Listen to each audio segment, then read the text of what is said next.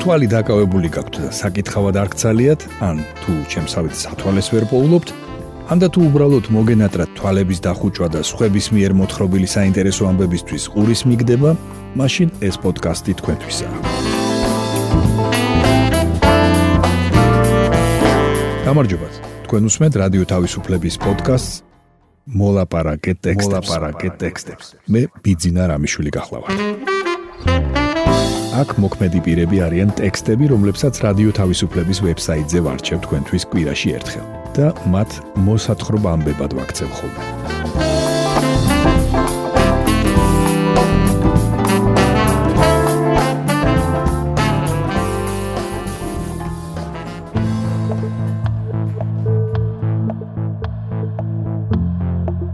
გესაუბრებით ქართველი და აფხაზი მწერალი ქალების თანამშრომლობაზე.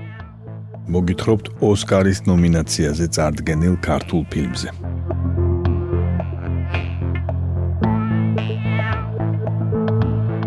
დაგიგითხავთ ეკა ქევანიშვილის სტატიას როგორ შეხვდნენ ქართველი და აფხაზი მწერალი ქალები ერთმანეთს ჯერ პირისპირ, მერე კი ციგნში. ციტატა ჩვენ ყველანი მომსწრენი ვიყავით შეხვედრების მაგიის, როდესაც ერთმანეთისთვის თითქმის უცნობი ადამიანები უდიდესი ინტერესით საუბრობენ საათობით და უეცრად ახლობლები და ძვირფასები ხდებიან ერთმანეთისთვის. ეს ნაწყვეტია აფხაზი მწერალი ქალების მიერ გამოგზავნილი წერილიდან, რომელიც 17 ნოემბერს ქართულ-აფხაზური პროზაული კრებულის პრეზენტაციაზე მოვისმინე. ციგნის შეხვედრა აფხაზეთის ომის შემდეგ ქართულ ენაზე გამოსული პირველი ქართულ-აფხაზური პროზაული კრებულია, რომელშიც ქართველი და აფხაზი მწერალი ქალების მოთხრობები გაერთიანდა. ამ ციგნში ერთმანეთს შეხვდნენ მწერლები დიანა ანფიმიადი, ასტან და არძინბა, ნინი ბატიაშვილი, შაზინა განბა, თამარ გეგეშიძე, ნინა ეშსაუ, ეკატერინე ტოგონიძე და სირმა ფაჩულია. ციტატა ომი როგორც ასეთი ამ მოთხრობებში თითქმის არ გვხვდება, მაგრამ ყოველ მათგანში იგრძნობა, იკითხება როგორც ერთგვარი საშიში ფონი, როგორც შეუბრალებელი გამანადგურებელი ძალა, რომელმაც მომავალში ბევრი წლით განსაზღვრა ავტორების მსოფლმხედველობა. წერენ პროექტის ავტორები ქართველი და აფხაზი მწერლები გურა მოდიშარია და დაურ ნაჭღებია წინა სიტყვაობაში. ეს კრებული როგორც ძველი მეგობრები შესავალ სიტყვაშიც წერენ ომის დაძლევაზეა, ბოროტების დაძლევაზე და მას აერთიანებს ციტატა გულწრფელი გულისტკივილი ადამიანის მიმართ მის და მის სიყვარული, თანაგზნობა და სამართლიანობა. ციტატის დასასრული.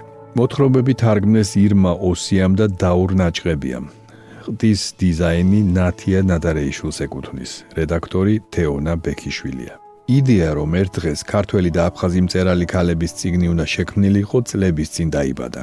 გურა მოდიშარია იხსენებს რომ ის და დაურ ნაჭყებია ამაზე სულ ლაპარაკობდნენ, ავტორებს ეძებდნენ. ეს არ იყო მარტივად გასავლელი გზა, რადგან პროცესი გულისხმობდა ამ წერლების არამხოლოდ პოვნას, არამედ მათი ტექსტების თარგმნას, ერთად მუშაობას და რაც მთავარია შეხვედრას, რომელსაც ცალკე გაბედვა სჭირდება. ციტატა შეიძლება იკითხონ, რატომ იმუშავეთ ქართველებთან, საქართველოსში შევდივარ თუ რა ხდება? ან აფხაზებთან რატომ? დამოუკიდებლები არიან? ამიტომ ასეთი საქმის ბოლომდე მიყვანას დიდი სიფრთხილე სჭირდება. მშვიდობა რთული, თორემ ომი მარტივი ამბავია. აიღებ იარაღს და იბრძვი. ხოლო როცა მშვიდობიან ნაბიჯებს დგამს ადამიანი, ეს დანაღმულ ველზე სიარულის ტოლფასია. ამიტომ გულდაგულ ვასწორეთ და ვწონეთ ყველა სიტყვა, რომ კარგი თარგმანები მიგვეღო. ციტატის დასასრული. გურამოდიშარია ჩვენთან საუბრისას შენიშნავს, რომ ამ ციგნით ქართველი და აფხაზი ავტორების მკითხველებიც უნდა გაერთიანდნენ. ამიტომ შეიძლება ამ ციგნს ლიტერატურული ხიდიც კი ეწოდოს. ციტატა ეს კრებული გვაჩვენებს, რომ მასში შესული მოთხრობების ავტორები ამ ომის მძიმე მოგონებებით ცხოვრობენ. ეს მინდა რომ ყველამ ნახოს. ყოველთვის მჯეროდა რომ ისევ ჩვენ ვართ ერთმანეთის მკურნალები და მინდა რომ ეს ციგნიც გახდეს ის რითიც ჩვენ ერთად ვიმკურნალებთ. უთხრა გურამოდიშარიამ რადიო თავისუფლებას. მოთხრობები საგანგებოდ ამ ციგნისთვის იწერებოდა. ამიტომ ეს იყო პროცესი რომლის დროსაც ქართველი და აფხაზი მწერლები ერთმანეთს ეცნობოდნენ და მაგალითად ერთად განიხილავდნენ უნდა ყოფილიყო თუ არა მათი ტექსტები ომზე. ციტატა ამ ციგნზე ნახევარ წელზე მეთხანს ვიმუშავეთ. მთელი ეს დრო ლიტერატურა გვაერთიანებდა. ეს კი ის სფეროა, რომელიც სულ სხვა სიღრმეებისკენ გიკვალავს გზას. ისეთი თემებისკენ, რაც ჩვეულებრივ საუბარში არ ჩნდება. გვეუბნება კრებულში შესული ერთ-ერთი მოთხრობის ავტორი მწერალი ეკატერინე ტოგონიძე. ეკა იხსენებს, რომ წერისას ერთმანეთისგან შთაგონებასაც იღებდნენ. ერთმანეთის ამბებით, ენით და მალე ისიც აღმოაჩინეს, რომ საერთო იმაზე მეტი ჰქონდათ, ვიდრე ერთი შეხედვით ჩანდა. ეს კავშირი პირისპირ შეხვედრამ უფრო მჭიდრო გახადა. ვიცოდით, რომ ამ რამდენიმე დღიანი შეხვედრის შემდეგ შეიძლება დიდხანს ან საერთოდ ვეღარ გვენახა ერთმანეთი. დაშორების წუთებში გვეგონა, რომ ბავშვობის მეგობრები ვიყავით. ციტადის დასასრული. მოთხრობების კრებულს ახლავს ავტორების მიერ ერთმანეთისგან აღებული ინტერვიუებიც, რამაც ეს კავშირი კიდევ უფრო მჭიდრო გახადა. ამ ინტერვიუებიდან გაიგებთ, რომ ასტან და არძინბას დილა და გაზაფხული უყვარს. კითხვაზე სადი ცხოვრებ და თავად რომ ირჩევდეს, ასე უპასუხებს: სოხუმში, ჩემს სახლში, რომლის ფანჯრებიც ზღვას გადაყურებს. შეიტყობთ, რომ სირმა ფაჩულიას ყველაზე ხშირად ისეთ ამბებზე უნდა წერა, რომელშიც თავად მონაწილეობს. ჩემი თვალით დანახულ ისტორიებზე. შაზინა ბგანბასთან ყველაზე ახლოს დგანან თურმე აფხაზი მწერლების ალიქსა გოგუას, შალოდია აჯინჯალის, ნელი თარბას ნაწარმოებებიდან ქალი პერსონაჟები. აფხაზი ავტორების უმრავლესობა აფხაზეთში ომის დასრულების შემდეგ არის დაბადებული. შეხვედრა აფხაზეთში ომის შემდგომ გამოცემული პირველი ასეთი კრებულია. თუმცა მის გამოცემას აქვს თავისი წინა ისტორიაც, რომლის საფუძველიც გურა მოდიშარიას და მისი აფხაზი კოლეგების დაურ ნაჭყებიას, ბათალ კობახიას და სხვათა სოხუმში დაწყებული მეგობრობა გახდა. გურა მოდიშარია და დაურ ნაჭყებია ომის შემდეგ პირველად ერთმანეთს შეხვდნენ 1998 წელს. სამშვიდობო მოლაპარაკებებზე, რომელიც სახალხო დიპლომატიის ეგიდით იმართებოდა. თუმცა მანამდე 1996 წელს იყო კიდევ ერთი შეხვედრა, რომელზეც გადაწყდა, რომ ქალები შეეხვედრებინათ ერთმანეთს. აფხაზური მხარე მაშინ ამას დათანხმდა. ციტატა ომის ყველა ტყვია პირველ რიგში დედას ხვდება გულში. ქალი ომს სხვაგვარად განიცდის და მისი ომი სხვა ომია. მერე ბავშვების შეხვედრა იყო. მერე ნაუმარი ხალხი დაჯდა ერთმანეთის პირისპირ, ვინც ამ ომმა დაახეიბრა. სწორედ ამ დროს დაიბეჭდა აფხაზეთში ნაწყვეტები ჩემი ციგნიდან სოხუმში დაბრუნება. რუსულ ენაზე, რასაც აფხაზებიდან გამოხმაურება მოხვა. პირველად სწორედ მაშინ ვთქვით მე და ბათალ კობახიამ, რომ შეგვეხვედრებინა მწერლები, ამბობს გურა მოდიშარია. ორი წელი იმუშავეს, გამოიცა კრებული ჟამი ცხოვრებისა, რომელშიც ქართველი, აფხაზი, ოსი, სომეხი და აზერბაიჯანელი ავტორების მოთხრობები შევიდა. ეს ციგნი 2003 წელს გამოვიდა რუსულ ენაზე და მაშინ ავტორები თბილისშიც შეიკრიბნენ. შემდეგი ერთობლივი კრებული უკვე ინგლისურ და რუსულ ენებზე გურამოდიშარიამ და დაურნაჭყებიამ 2011 წელს გააკეთეს. მერე კი ქალი მწერლების ციგნის იდეაც გაჩნდა. 10-ზე მეტი წლის გასვლის შემდეგ კი გამოიცა კრებული შეხვედრა, რომელიც სულაკაურის გამომცემლობამ დასტამბა ქართული ლიტერატურული ინიციატივის და კონრად ადენაუერის ფონდის მხარდაჭერით. ქართული ლიტერატურული ინიციატივის დირექტორის მედეა მეტრეველის სიტყვებით, რომელიც ამ ციგნის დაბადებას ერთ საოცარ თავგადასავალს უწოდებს, თავარი მიზანი ქართველი და აფხაზი მკითხველისთვის განსხვავებული ლიტერატურული ხმების გაცნობა იყო. ეს კი უნდა მომხდარიყოს სწორედ კულტურის და ლიტერატურის სივრცეში, რომელიც დიალოგისა და თანამშრომლობისთვის, კითხვების დასმისა და პასუხების მოძებნისთვის უსაზღრო საშუალებებს იძლევა. ციტატა: ამაშია ხელოვნების და ლიტერატურის ძალაც. ადამიანებს ერთმანეთი აღმოაჩენინოს და ერთმანეთთან ურთიერთობა მოანდომოს. რატომ ქალები ფიქრობ, დღევანდელი სამყაროს წინაშე არსებული გამოწვევების დაძლევას სულ უფრო მეტად ჭირდება ქალების გამოცდილება. მათი გულწრფელი და თამამი ხმები, უფრო მეტი მშვიდობისთვის, ურთიერთგაგებისთვის და კეთილდღეობისთვის. ციტადის დასასრული. იყო კიდევ ერთი მიზანიც. თანამედროვე აფხაზური საზოგადოებისთვის აფხაზური ენის შენარჩუნების და განვითარების საკითხი სასიცოცხლო მნიშვნელობისაა. ამენაზე ლიტერატურის შექმნაში კი მწერლებს განსაკუთრებული მისია აქვთ. როგორც მედეა მეტრეველი შენიშნავს, ქართულ და აფხაზურ ენებზე ამ ციგნის გამოცემა ამ მიზნის მიღწევაში ცირეოდენი წვლილის შეტანის მცდელობაცაა. პოსტსკრიპტუმი მოთხრობების კითხვა რომ დავასრულე და ციგნი დავხურე, მივხვდი, როგორ მოვიდა საიდანღაც იმედი. ეს ციგნიც იმედის ციგნია. რომელიც მეგობრობის ძალაში გარწმუნებს, შერიგების შესაძლებლობაზე გაფიქრებს. რაღაც ძალიან მშობლიურთან მიახლოებას გრძნობ და ფიქრობ, რომ შეხვედრა შესაძლებელია. ერთ დღეს ერთმანეთს შევხვდებით. მე წაგიკითხეთ ეკა ქევანიშვილის სტატია როგორ შეხვდნენ ქართველი და აფხაზი მწერალი ქალები ერთმანეთს ჯერ პირისპირ მერეკი ციგნში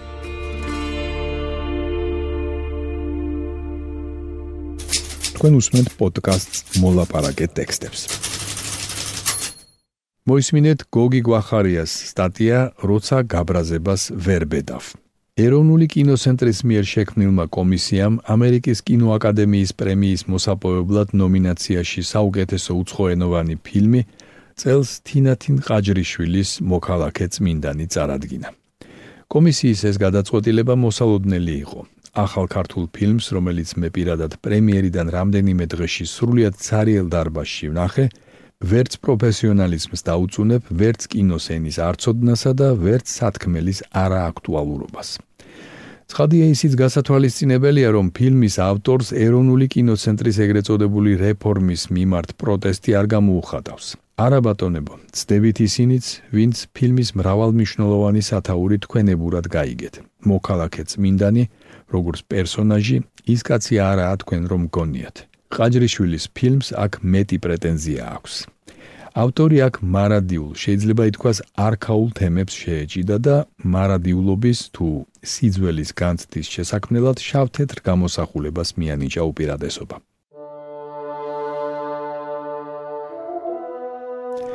მოქალაქე წმინდანი იგავია, თითქმის ფანტასტიკური სიუჟეტით. მოქმედება ხდება მაღაროელთა პატარა ქალაქში, სადაც მთავარ მოედანზე დგას დაღუპული მუშის ჯვარცმული ქანდაკება. ეს ფაქტობრივად გოლგოთაა, რომელიც ქალაქის მთავარ ღირს შესანიშნაობად გადაუქცევიათ. ცოტა ხანში ძეგლი სარესტავრაციოდ მიაქვთ. ამასობაში გამოჩნდება უცნობი, რომელსაც აქ გაცოცხლებულ წმინდანად აღიქვამენ. გიორგი ბაბლუანის გმირი სასწაულებს ჩადის, მაგრამ ქალაქს ცოცხალი მესია არ სჭირდება. ცოცხალს ყველა საიდუმლოს ვერ ანდობ, მის გულს ადვილად ვერ მოიგებ.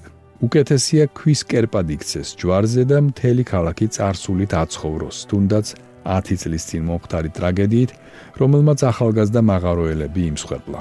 ქალაქი ისევ ამ ავარიას გლოვობს და იმის გააზრება არ უნდა, რომ ჯოჯოხეთიდან თავის დასაღწევად საჭიროა ბრძოლა თუნდაც საწარმოს ბატონ პატრონის წინააღმდეგ, რომელიც თავის თანაშემწესთან ერთად განკარგულებებს იძლევა. პირველ რიგში მას არ აწყობს მოქალაქე წმინდანი. სწორედ მას ეშინია ქალაქის მოსახლეებში მოქალაქეობრივი თვითშეგნების ამაღლებისა. ერთ-ერთ ინტერვიუში ფილმის პროდიუსერმა მადლობა გადაუხადა ჯორჯიან მანგანეზის ხელმძღვანელობას დახმარებისთვის. მოქალაქე წმინდანი ხომ მოქმედ მაღაროებშია გადაღებული. სხვაგვარად რომ ვთქვათ, კომპანია, რომელსაც მაღაროელების არაერთი პროტესტი ახსოვს, თავად ჩაერთო გადაღების პროცესში და არც კი დაეჭებულა იმაში, რომ მოქალაქე წმინდანი შესაძლებელია სწორედ იმ სოციალური პროტესტების ანარეკლად ქცეულიყო, ანდა კომპანიის მართველების სახეებში საკუთარი თავი დაენახა. ვფიქრობ, აქ გამოადგათ ფილმის ავტორებს ეს განყენებული სტილი, იგავური თხრობა, კონკრეტულობას მოკლებული გარემო, სრულიად დაუმუშავებელი და ფსიქოლოგიურ სიღრმეს მოკლებული სახეები. მაყურებლის ყურადღება გადატანილია ოპერატორ როდრიგესის შესამჩნევად სურათოვან კადრებზე, კაცრად კონსტრუირებული კომპოზიციებით და მაღაროელთა დაწყობილი ფიგურებით და ამ ვიზუალური რიგისთვის უაღრესად ზუსტად შერჩეულ მუსიკაზე. კომპოზიტორი თაკო ჟორდანია გახლავთ, რომელიც დიდხანს გაყვებათ ფილმის დასრულების შემდეგ. ასეთი კინო ვიღაცას თეო ანგელოპულოსის სტილს გაახსენებს, ვიღაცას ტარკოვსკის. თუმცა მე სხვა ასოციაციებიც მქონდა. უფრო 70-იან წლებში გადაღებული ქართული ფილმებისა, რომლებსაც თავის დროზე კრიტიკოსმა იური ბოგომოლოვმა სკანდალური სტატია მიუძღვნა სათაურით ქართული კინო სინამდვილისადმი დამოკიდებულება. თბილისი დისკუსიაში ლამის ედუარდ ჩევარდნაძეც კი ჩაერთო, მაშინ გააღიზიან არაიმდენად ქართული ფილმებისთვის დამახასიათებელი ეზოპეს ენის კრიტიკამ, რამდენადაც სტატიის მორალურმა მხარემ. ყველამ კარგად იცოდა, რომ ეს განყენებულობა, რეალობისგან დისტანცირება და ყოფითი დეტალების გამოხატვაზე უარის თქმა პირველ რიგში ცენზურის ბორკილებისგან თავის დაღწევის საშუალება იყო. იმას, რასაც რეალისტური კინო ჰქვია, საბჭოთა ცენზურის პირობებში იშვიათი გამონაკლისის გარდა შანსი არ ჰქონია. მოქალაქე წმინდანმა დაგვიბრუნა ეს დრო. დაგვიბრუნა კინემატოგრაფისტთა მცდელობა, შეეჭიდონ სერიოზულ თემებს ისე რომ იქ ზევით არავინ გააბრაზონ. არავის აწყენინონ. არც კერძო კომპანიებს, არც მსხვილ კორპორაციებს და რა თქმა უნდა, არც იმას, ვინც ქართული ფილმის გადაღებისთვის ფულს იძლევა და ოსკარზე გიშვებს. გამოსავალი ერთი რჩება. ზოგადად ხალხს დააბრალო ჯოჯოხეთი, რომელსაც ასეთი მონდომებით გვიხატავენ მოქალაქე წმინდანის შემქმნელები. ავტორი ირჩევს ქართველი მაღაროელის მძიმე ცხოვრებას, თუმცა მაღაროელების ნაცვლად უბრალო გლეხები რომ გვენახა, ან და მწყემსები, არსებითად არაფერი შეიძლებოდა. სავარაუდოდ ეს მაღარო და მაღაროელები, ეს გვირაბები და ლაბირინთები, კლდოვანი და მტრიანი პეიზაჟები აქ ეფექტური ფაქტურის შესაქმნელად აირჩიეს. ფილმის მსვლელობის პროცესში რჩება შთაბეჭდილება, რომ ავტორები თავად არიან აღფრთოვანებული მათ მიერვე შექმნილი ერთდროულად ინდუსტრიული და არქაული სურათებით, რომლებსაც ფილმის სტატიკურ კადრებში დიდი მონდომებით გვაწონებენ. მოქალაქე წმინდანში ყველაფერი მკვდარია, გარემოც და ადამიანიც. ჩეზარე ზავატინი ამაზე იტყოდა, რომ ეს კინო არ არის, სურათებია. ასეთი ფორმა ერთი შეხედვით იდეალურად შეესაბამება სათქმელს. ავტორები ქმნიან ნეკროფილიის, წარსულში გაჭედვის, ცრურწმენის სახეებს, რომლებსაც მართლაც არ აქვს დრო და სივრცე. მეორე მხრივ, მარადიულის გამოხატვის უნარი კონკრეტულში იოლი არ არის. ამის ნიჭი მხოლოდ დიდ ოსტატებს აქვთ. გაცილებით უფრო ადვილია მიმართო განყენებულ გარემოს, გადააქციო ცოცხალი ადამიანები მოდელებად. მოერიდო სოციალურ სიმწვავეს და მთელი კინემატოგრაფიული რესურსი ატმოსფეროს შექმნას მოახმარო. მე ასე გაამართლო შენი არჩევანი.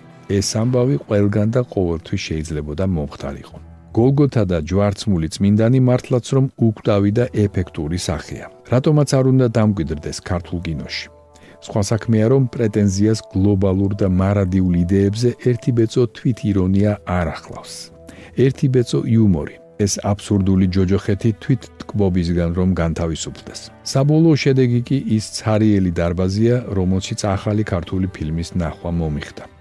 ესთეტიკური კინო სასიამოვნო საყურებელია, მაგრამ ესთეტიკაც იწევს დაღლას, როცა საათნახევარი არ ვითარდება. მე წაგიკითხეთ გოგი გვახარიას სტატია, როცა გაბრაზებას ვერ ბედავ.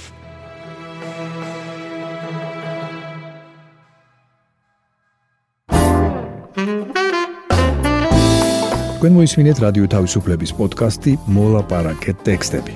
მე კვირაში ერთხელ ვარჩევ რადიო თავისუფლების ვებსაიტზე გამოქვეყნებულ ტექსტებს და მათ მოსათხრობამდე ვაქცევ ხოლმე. ჩვენი პოდკასტი შეგიძლიათ გამოიწეროთ, ჩამოტვირთოთ ან მოისმინოთ პირდაპირ რადიო თავისუფლების ვებსაიტზე. მისი მისამართია რადიო თავისუფლება.ge.